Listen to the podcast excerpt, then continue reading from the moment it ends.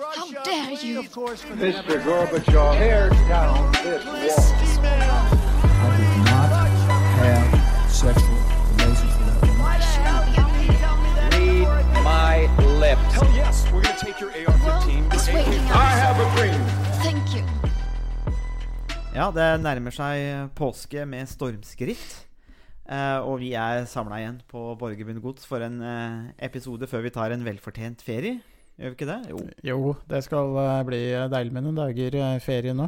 Ja, så da blir det en aldri liten sånn eh, påskespesial. Det er ikke så mye påskestemning akkurat i eh, Østfold, da. Det skal sies. Det er, det er ikke det. Jo da, her er det jo grønt og fint, og blomstene har begynt å titte fram, så her er det jo eh, definitivt eh, påskestemning. Det kunne ikke vært eh, bedre. Ser det bra ut for årets eh, eplesesong, da? Det er, jo det, det er jo det alle lytterne lurer på. Hvordan skal det gå med eplene til Harald i år? Ja, eh, nei, det er jo veldig spennende. Det ser, så langt så ser det jo eh, Så ser det jo bra ut, men det er jo veldig tidlig. Du har trua? Eh, ja, definitivt. For det blir ikke noe korona på eplene. Nei, de eh, er nok så heldig at de er, de er allerede immune. Jeg har jo eh, desinfisert eh, og sprøyta alle trærne, så de, eh, De klarer de klarer seg en stund mot koronasmitte. Ja. Nei, men det er ålreit. Det, det er godt å vite. Da er vi beroliga på den fronten. Slipper vi å lure på det. Og, um, men vi har fått faktisk den siste uka så fikk vi jo flere uh, lytter-e-poster. Eh, men også spørsmål, det setter vi jo veldig pris på. Det er jo bare å sende e-post til oss på SOS Podkast. Det er podkast med K. At protonmail.com kan dere bare sende e-post der, eller ta kontakt med oss. Dere kan også sende til enten Harald og meg. Det går også fint. E-postene står jo i beskrivelsen. Eh, eller ta kontakt på Facebook-sida vår. Eller eh, send et brev i posten. Ja, eh, du, du tar gjerne imot det. Vi, ja, selvfølgelig. Er det i solidaritet med, med Saugbruksforeningen i Halden? Så de skal ha noe å lage De må lage papir? Det er eh, definitivt ikke i solidaritet, men eh, det er, det er, er ren egeninteresse. Ren egeninteresse. Ja, og Harald, det, det Harald sier, at han vil gjerne ha postkort eller brev. Eh, fanbrev. Det er egentlig det Harald sier. Så det Ja, vi, vi, vi, jeg støtter det. Send, send til Harald. Uh, og de andre kanalene er uansett åpne. Men det er jo flere som har vært veldig positive uh, til podkasten, og det er veldig hyggelig å få god tilbakemelding. Uh, og så har vi fått noen spørsmål, og én tok vi jo for oss i en episode. Og så fikk vi et nytt spørsmål. Og det var litt interessant, for det, var, det kom opp i en diskusjon som jeg hadde med en god venn om Ja, om politikk. Om kanskje om solidaritet, men mest politikk, demokrati, institusjoner. Og det er jo aktuelt i den koronatida her, og da tenkte vi at ok, men det her er jo egentlig en ganske sånn fin eh, eh, Fint tema for en episode. Eh, og på engelsk så kan vi jo kalle det en sånn at temaet er en slags 'rally around the flag', men at vi samler oss rundt lederen, eller er lojale mot de som styrer ledelsen, altså i en krisetid. At vi samler oss rundt liksom en base, da. Ehm, og i det utgangspunktet der så er, er det et interessant spørsmål som dukker Det er mange interessante spørsmål som dukker opp. Men et interessant spørsmål som kommer, er på en måte i hvilken grad representanter fra kanskje fra ulike institusjoner, partier, fagforeninger, organisasjoner Bør de føle et ansvar, et felles ansvar, for å støtte opp under, altså under felles dugnad? Det er jo et ord som man har slengt rundt nå i den koronatida, at vi, det er, nå er det en dugnad eh, for ditt og dugnad for datt. Eh, men bør vi føle et ansvar for å stille opp for felles eh, dugnader eller nasjonale tiltak i spesielle situasjoner? Er det en grad, eller hva tenker du om det, Harald? Sånn umiddelbart, hva er din umiddelbare take når det kommer til det spørsmålet der? Jeg, jeg tenker jo umiddelbart at man kan jo stille spørsmålstegn ved altså, hva, hva er forskjellen mellom eh, den situasjonen vi er i nå, og det vi kaller for en eh, normal eh, tilstand. I prinsippet så er det jo egentlig ingen for forskjell, eh, rett og slett fordi at under normale omstendigheter så er det jo ofte stor uenighet mellom de ulike partiene og politikerne om hva er den beste politiske løsningen.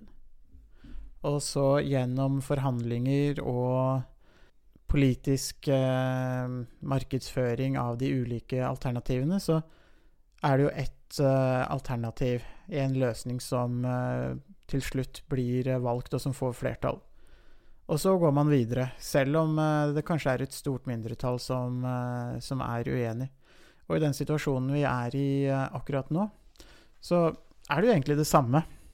Demokratiet og den demokratiske prosessen og politikken fungerer jo mer eller mindre på samme måte. Eh, Forslag og politikk blir vedtatt mye raskere enn det det normalt gjør, fordi situasjonen forandrer seg fra dag til dag, og egentlig fra time til time. time. Så det som er det store spørsmålet, er jo Er vi nå i en krisesituasjon som gjør det nødvendig å oppheve de demokratiske reglene eh, eller ikke? Mm. Det var jo det regjeringen forsøkte å, å gjøre nå for um, en uke eller to siden. Mm. Med en sånn seksmåneders som de ville ha, da. Yep. Seks måneders dels kriselov. Hvor eh, Stortinget i veldig begrenset grad ville ha mulighet til å øve innflytelse på um, politikken som skulle iverksettes. Mm. Og resultatet av den uh, diskusjonen man fikk rundt den uh, kriselovgivningen, var jo at vi fikk mulighet til å ha et uh, storting som kunne være operativt gjennom e-post i praksis. Men jeg tenker på det når, når, når, vi, når det da kommer til beslutt, eh, altså beslutningsprosesser og politiske vedtak For vi er jo litt inne på eh, hva skal vi si, litt av det, hvordan det blir, eh, hvordan det er operasjonalisert, eller hvordan det fungerer. Det er det du er inne på nå. Men hvis vi tar for oss litt av det normative spørsmålet først, fordi som ligger i spørsmålsstillingen som at I hvilken grad bør representanter fra ulike institusjoner føle et felles ansvar? Altså, for det er på en måte et annet spørsmål. Hva tenker du altså, Det er kanskje litt interessant å grave inn i der. Altså, ok, så er vi i en krisesituasjon. Det er vi jo nå. Men bør man føle liksom et ansvar for å liksom for det felles beste, for the, the common good? Er det noe som man bør føle på, og så agere på? Det er, det er et interessant spørsmål. Ja, altså jeg, jeg tenker jo at man Jeg kan jo egentlig svare, besvare det spørsmålet på samme måte som det jeg besvarte det første spørsmålet på. Altså hva er forskjellen i den situasjonen du står i nå, og en normal situasjon? Hva er det som eh, kreves av oss som er annerledes? Hva, hva slags andre ting er det som kreves av, kreves av oss i dag enn for en måned siden? Mm. Og det er jo på en måte ikke et svar på spørsmålet ditt, men samtidig så, så er det jo også et svar fordi det fokuserer på hva er det som, eh, som faktisk er forutsetningen for at vi skal ha en uh, slags eh, sterk uh, lojalitetsfølelse til de beslutningene som fattes, eller en Mm. lojalitetsfølelse som går utover det som vi vanligvis har i det demokratiske eh, systemet. Mm. Det er litt sånn Når du setter det på den måten også, er det litt sånn halvveis problematisk på en måte. Uh, hvis man uh, Ja, for hva er det som egentlig er forskjellig fra en måned siden uh, i systemet? For systemet er jo der fortsatt. De samme personene er jo der fortsatt. Institusjonene er jo der. Og da, da er det implisitt at eh, hvis vi da står overfor en krise, så skal vi liksom Da blir det på en måte kanskje å, akseptere i større grad det som kommer, la oss si, la oss si fra regjeringen, da, bare for å sette det opp sånn stilisert, at det, da blir på en måte I, i, i den eh, spørsmålsstillingen så vil jo det en implikasjon bli at eh, fordi at det er krisetid, så skal vi, skal vi måte Skal de andre partiene føle et felles ansvar for å støtte Erna fordi at det er krise. Og da skal, vi, da skal de være mindre kritiske, da. Men eh, det jo, kan jo være en implikasjon. Det jo, men det vil jo være problematisk. Det, det vil jo være svært problematisk, og det er derfor jeg tenker at det spørsmålet som, som jeg stilte, hva er forskjellen eh, mellom eh, 1. mars og 1. april, Mm. eh, er et, eh, et viktig spørsmål, fordi det gjør at vi må tenke gjennom hva er det som er så spesielt, hva er det som krever mer eh, oppslutning, eh, dugnadsånd osv. Og det som er problematisk, er jo når Spesielt når en mektig, kanskje en part som har stor politisk makt, eh, begynner å eh, snakke om eh, dugnadsånd, eh, lojalitet, oppslutning osv. Eh, og det er jo rett og slett fordi at da, da begynner man jo å, å fjerne seg litt fra de demokratiske spillereglene som vi, eh, eh, som vi er vant til, eh, og som eh, de politiske institusjonene er eh, fundert på. Mm. Og man kan jo si at ja, i en krisesituasjon så er det jo nettopp den type dugnadsånd, samhold, som er, eh, er viktig, og som må ta oss Som er det som kan, kan løfte oss og bære oss gjennom en sånn uh, vanskelig periode. Men samtidig så er man jo også avhengig av å ta de rette beslutningene, og at man får vurdert de ulike alternativene, og at man får innsigelser. eh, og at man eh, kan komme frem til bedre forslag. For én ting er jo oppslutning og det å kunne ha en slags lojalitet blant befolkningen og dugnadsånd osv. Men en annen ting er jo at de tiltakene som skal gjennomføres, de, det er jo ikke bare at de må gjennomføres raskt, men det må også være de riktige tiltakene. og Det gjelder jo f.eks. de krisepakkene som regjeringen har eh, presentert de siste ukene. Og også de ulike smitteverntiltakene for å unngå at smitten eh, øker eller eh, sprer seg. Mm. Jeg tenker eh, et annet problem eh, som kanskje kan oppstå i, du, i forlengelsen av det du snakker om òg, er vel kanskje det at eh, det er jo fullstendig mulig kanskje for de med makt å komme trekk og bruke en idé om, om felles dugnad, solidaritet. For de sitter jo med makta og vil gjennomføre tiltak. Og da er det jo veldig fint å kunne appellere til den fellesfølelsen og si at nei, nå må vi liksom stå samla. Og støtte de tiltakene og være handlekraftige. Og det kan jo være en måte å på en måte forsøke å skaffe legitimitet til sine politiske beslutninger, da. Nettopp, og det er jo eh, absolutt uh, en skummel uh, prosess. Mm. Uh, delvis fordi at man appellerer til det gode i mennesket. til hver enkelt, hver, hver enkelt av oss. At vi skal Nå må vi gjøre som vi får beskjed om, nå må vi være lydige. Vi må være lojale støttespillere. Mm. og vi må alle sammen gå i takt.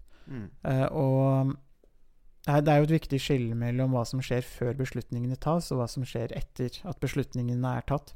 Ja.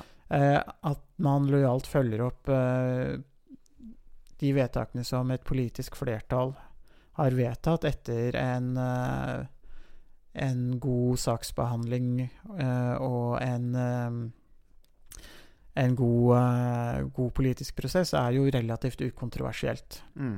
Men å be om eh, oppslutning før eller istedenfor å ha den politiske prosessen, er jo eh, kontroversielt. Mm. Og da appellerer man jo i prinsippet til at hver enkelt av oss eh, skal føle et moralsk ansvar for å støtte den politikken som, som regjeringen fører og iverksetter. Mm. Og det er, ja, da kan man jo nærme seg en absolutt makt. Eh, og det er jo det motsatte av det som demokratiet er har som hensikt. Ja, for vi har jo snakka mye om det med institusjoner, institusjoners verdi, Um, og også i form av demokrati. Og noe av det vi tenker på sånn teoretisk, er jo ofte det at ok, vi har institusjoner. Um, og de blir jo bygd opp for ulike formål, men noe av det har jo med det at vi, vi kan planlegge tid, vi kan sette av ressurser og forberede oss på tider eller krisetider, slik at når det blir krise eller ting må tas, noen valg må tas, så har vi på en måte forberedt oss. Vi har gjort noen valg på forhånd som skal hjelpe oss når det er krise, slik at vi ikke slipper å finne ut alt da. Men, og vi er heller ikke avhengig av solidaritet eller folks fellesfølelse eller en dugnad. For det er klart at det er jo litt tynt grunnlag at eh, hvis det er en krise, så skal man basere seg på en dugnad når man står i krisen. Eh, det man heller gjør, eller kanskje ideelt sett har gjort, er jo det å ha tenkt gjennom scenarioer på forhånd, bygd opp institusjoner så idet krisa kommer, så har man institusjoner på plass med veloverveide eh, ideer, eh, tiltak, eh, argumenter som er, er klar, og ressurser som er klar til å jobbe med det der. Eh, så jeg tenker jo at eh, Og, og i, den, i den prosessen det er jo en kunnskapsakkumuleringsprosess og trening og sånne ting. Men det samme så kommer kanskje litt på det du snakka om òg, i demokratiet, at eh, tenker jeg da, at det er, vi, det er viktig at vi selv i krisetider eh, har i bakhodet Det her tenker i hvert fall jeg, ser, ser jeg på som viktig. da, eh, At eh, man skal kunne være uenig. Man skal kunne fremme eh, eh, kritikk mot regjeringen f.eks. når de skal prøve å få gjennom en kriselov.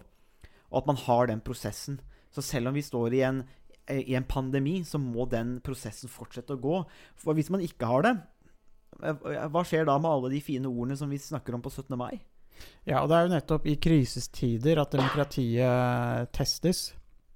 Og hvis det er eh, kun eh, dugnadsånd som står mellom oss og en total eh, samfunnskatastrofe, så er vi jo egentlig et samfunn som er ekstremt uh, sårbart. Uh, Mm. Så derfor er det jo viktig at vi har institusjoner, politiske prosesser, selv i krisetider, som ivaretar alle ulike hensyn, motstridende hensyn, at alle ulike synspunkter har mulighet til å, å bli hørt og Mm. ha en innflytelse på den politiske beslutningsprosessen.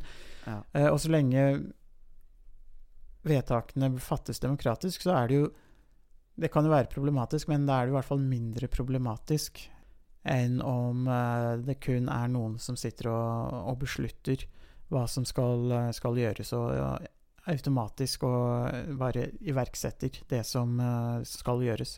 Mm.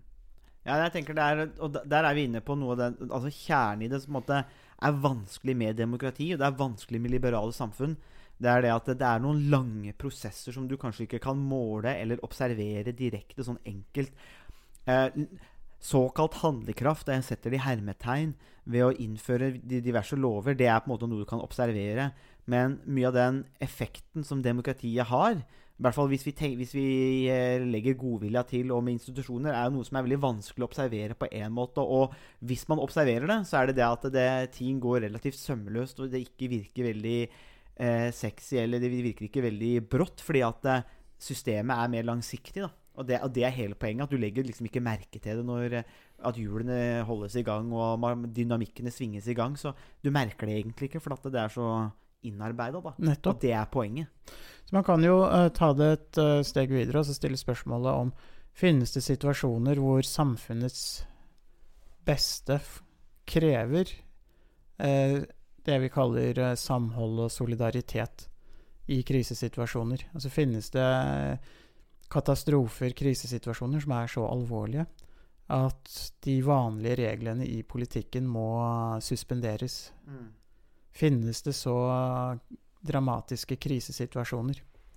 Det er, og det er jo egentlig det som, som er noe av kjernen her også. Finnes det, finnes det situasjoner som er så dramatiske at vi må oppheve demokratiske Mm. prosesser? Det nærliggende er vel kanskje å tenke på en sånn form for krig på en måte med andre verdenskrig. Eh, men det, det jeg har lyst til å differensiere der, er det at eh, der er det ikke politikk det er det, Sånn som i 1940, da, så er det ikke norsk politikk som blir satt til side eller oppheva. Det blir jo oppheva av en eh, ekstern part. Så det var jo ikke noe som ble satt til side. Og da forsvinner jo det mye av den politikken, og det som står igjen da, er jo den dugnad eller uh, samfølelse. Der tenker jeg at det, da må man kanskje sette kanskje eh, spesifikke egeninteresser litt mer til sida for å komme tilbake til det systemet hvor vi kan utøve interesser. For, det, for da er politikken eh, suspendert. For det, det man kan si er svaret på det spørsmålet som vi har diskutert nå, er vel egentlig kanskje at så lenge den demokratiske prosessen rent praktisk kan foregå, kan, eh, kan gå sin gang, så er det ikke nødvendig med noen sånn utvidet samhold, dugnadsånd, solidaritets... eh, Men den kriseloven, hva tenker du om det i, i norsk sammenheng? Nei, altså så, eh, det, det som er det, det sentrale, tenker jeg, er jo at eh, som, som du også nettopp var inne på altså Hvis man er i en hvis man, man kan se for seg en naturkatastrofe som gjør at alt av eh, teknologi bryter sammen fordi det pga. regn, vind og storm så er det ingenting som fungerer lenger. Som gjør kommunikasjon rett og slett eh, nesten umulig. Eh, men hvor det likevel er nødvendig å fatte pol noen politiske beslutninger. I den type situasjoner så vil det være legitimt, tenker jeg, å se for seg at eh, regjeringen får en slags fullmakt, eller kan ha en slags fullmakt, hvor de treffer beslutninger uten at de beslutningene nødvendigvis er eh, demokratisk fundert.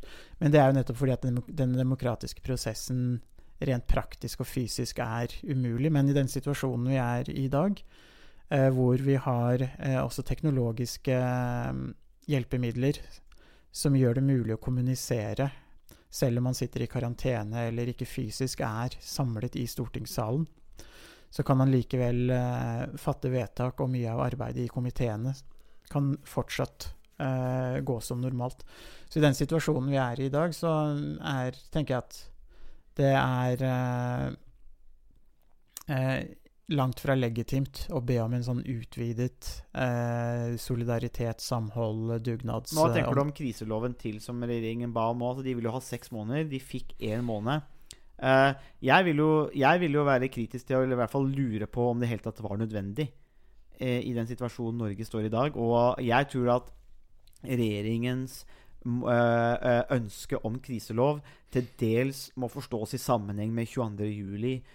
Uh, og litt av den En del i feilene på en måte som skjedde der, men det er den frykten da for å ikke For å havne i samme situasjon igjen. at de er, på måte er føre var. Ja, for, Men, men, men, men, men, Absolutt. men tror du at de trenger det? Altså, tror, altså Sånn som Norge er nå, altså trenger vi egentlig en kriselov? Hvis vi, vi eh, ser objektivt på det. Prøver, i hvert fall. sånn som, som jeg ser det, det blir jo kanskje litt uh, spekulasjon. Uh, for vi kjenner jo ikke alle detaljene som, uh, og all informasjon som regjeringen har. Og vi vet jo ikke hvor mye informasjon regjeringen hadde på det tidspunktet man diskuterte det. Og på det tidspunktet for eh, et par uker siden, som det nå nærmer seg, så kan det hende man hadde mindre informasjon, og det var en mer uoversiktlig situasjon. Nå, nå ser vi jo at situasjonen ikke eh, øker eller forverrer seg så dramatisk som det man kunne, kunne frykte. Så i dag så er det kanskje lett å si at nei, vi trenger ikke den kriseloven som, eh, som regjeringen ønsket. Men det som jeg tror kanskje regjeringen tenkte, var at som du var inne på, under 22. juli, så, eller i etterkant, så fikk jo regjeringen og staten og de ulike institusjonene eh, kritikk fordi de eh, ikke hadde iverksatt tiltak som skulle vært iverksatt, eh, og eh, de hadde ikke vist den handlekraften som eh, befolkningen forventet i en eh, krisesituasjon. Så det kan hende at dagens regjering hadde et ønske om å unngå å havne i den situasjonen som uh, den rød-grønne regjeringen eh, havnet i i etterkant av 22. juli. Og da, sånn sett så kan man si at, si at det, er et, det er jo et legitimt uh, perspektiv. Det betyr jo ikke at det er riktig, men det er i hvert fall en, en måte å tenke på som ikke, som ikke nødvendigvis handler om å øke sin egen makt på bekostning av andre partier, Mm. men mer med å kunne, kunne vise at man har gjort det som har vært eh, mulig og nødvendig. Og det som er dilemmaet for regjeringen, er at hvis de gjør for lite, så får de kritikk av opposisjonen. Hvis de, hvis de gjør for mye, eller at de ønsker å ha for sterke fullmakter, så får de også kritikk. Så for regjeringen så er det veldig vanskelig å finne den eh, balansen. Men jeg tror kanskje man fant en slags balanse i den uh, kriseloven som, uh, som ble vedtatt. Det uh, kan jo hende at den kunne vært enda litt Gitt enda litt større fullmakt til regjeringen, eller gitt mer hatt sterkere demokratiske føringer. Men der, der tror jeg kanskje man kan være Det kan være lurt å være litt forsiktig med å kritisere veldig, veldig sterkt. I hvert fall med den eh, litt begrensede informasjonen som vi, eh, som vi har i dag. Nei, Men det er ingen hindring for oss. Det er ingen hindring for oss her i SOS. Nei, du er jo kjent for å kaste deg ja, ja. utpå. Du jo Du har jo alltid ført inn skolestilene uten å kladde først. Ja, det, det, er, det må være kreativt, og det må være spontant. Men, men det jeg har lyst til å si med kriseloven, det er helt klart at her sitter man jo på mye informasjon som eh, kanskje man kanskje ikke Altså som ikke vi har, selvsagt, og det er jo, er jo bare helt naturlig. Eh, men det altså, det, eh, altså jeg, jeg er jo alltid kritisk til eh, de med makt. Så det gjelder uansett, og det jeg tror jeg mener jeg bare er sunt. Men, eh, og jeg tror som sagt her så hvor mye vet man, hvor mye vet man ikke, og det er usikkert. Så man må være raus i den. Men det jeg har lyst til å si, er at jeg tror at eh, det norske systemet egentlig fungerte ganske bra i den prosessen. For de ba om seks måneder. De fikk én måned, men der et tredel av Stortinget kan stoppe eh, gjennomføring av vedtak.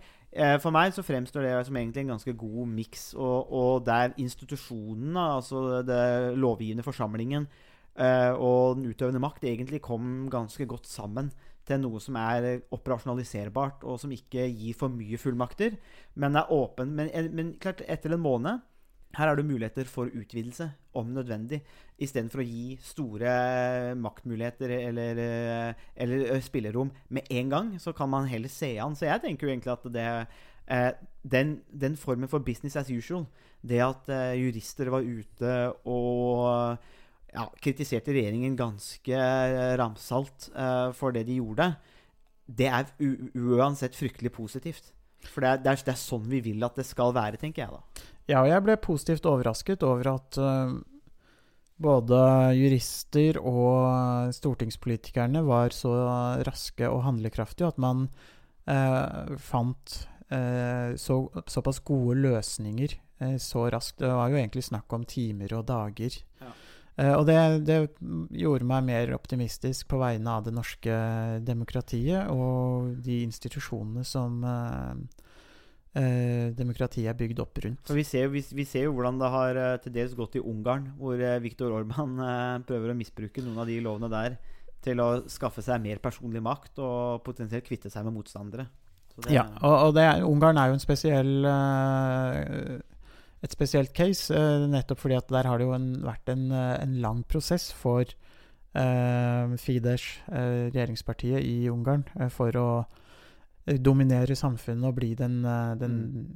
i praksis den eneste politiske maktfaktoren i, uh, i, samfunnet. Og det har de jo brukt koronakrisen uh, ganske rått til å klare. Og nå har de, har de jo egentlig slukt den politiske makten i hele samfunnet. Mm. Ja, det er, det er, litt trist å se hva som skjer der. men vi, altså, vi, nærmer oss jo halvtimen. Det gikk jo fort, Harald. En sånn diskusjon er jo meget, uh, meget spennende. Um, så nå har vi jo måttet belyst og vi belyst ulike deler av den, det spørsmålet som kom. Eh, altså I hvilken grad bør representanter fra ulike institusjoner i Norge føle et ansvar for å støtte opp under felles dugnad nasjonale tiltak i spesielle situasjoner? Eh, eh, lytteren eh, ga jo noen eh, ga jo to Ba om, da om to svaralternativer. Absolutt ingenting eller litt.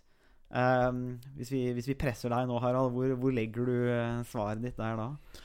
Ja kan, du, kan du gi et klart svar, eller blir det politikersvar? Du må pivot uh, og uh, hoppe over på noe annet. Nei, um, skal jeg svare klart, så vil jeg si at utstrakt lojalitet, samhold, sam, solidaritets Krav eh, tenker jeg er en uting i et uh, demokratisk samfunn. I hvert fall før uh, vedtak uh, fattes, eller uten at det er en politisk prosess på forhånd. Jeg kan, jo, jeg kan, jo, si det sånn at det ansvaret jeg føler på for en felles dugnad i spesielle situasjoner, men generelt, er det at vi har et felles ansvar for institusjonene våre og systemet. slik at ansvaret, solidaritet, hvis vi skal snakke om det, skal ikke komme opp som en sånn støtte regjeringen i alt den gjør fordi vi står i krise. Ehm, støtten må gå på det at, å stole på at vi har et demokratisk system i institusjoner som fungerer. Og så må vi stole på at det gjør jobben. For det, det er jo det 17. mai og alt mulig sånn handler om, er det at vi, vi, gjør disse tingene. Men det kan ikke bare være ord. Det må jo også være handling. Så det er, det er så langt jeg strekker det, er i hvert fall min, eh, mitt svar der. At det viktigste ansvaret er til det overordna, ikke til partiene. Så jeg er helt enig. Man bør ikke føle noe eh, press eh, eller noe sånn ansvar for å støtte regjeringen i det de gjør, men man skal støtte arbeidet og det politiske rammeverket og spillet. Og, og se på argumentene. Der regjeringen kommer med gode forslag i, i, gjennom en politisk prosess, så kan det vedtas, og, da, og da og har det flertall, så støttes det. Og så kan man stoppe ting man ikke liker. Og det er det som er viktig, da. Så da tenker jeg vi har eh, gått gjennom den. Er det noe mer du har lyst til å si rundt den prosessen der nå, eller har vi dekket det vi Nei, med, nå tenker jeg det er uh, på sin plass med dugnadsånd og, og samhold, for nå har demokratiet talt. Så nå ja. er det bare å iverksette. Så det betyr da at da skrider vi til oppvaskbenken og vasker og, og, stiller opp der. Vi må alle yte en skjerv for, i, i disse krisetider. Det var det vi hadde å by på i denne ukas episode av Statsvitenskap og sånt. Musikken er komponert av Robin Horvath, og Thomas Mokolato står for miksing og redigering. Du finner oss på Facebook, bare søk på statsvitenskap og sånt. Der kan dere komme i kontakt med oss hvis dere har spørsmål eller kommentarer. Der finner dere også aktuelle artikler, videoer med mer. Vi setter pris på om dere liker sida, og deler den med andre som dere tenker vil ha glede av å høre på podkasten. Vi høres! And change is coming whether you like it or not.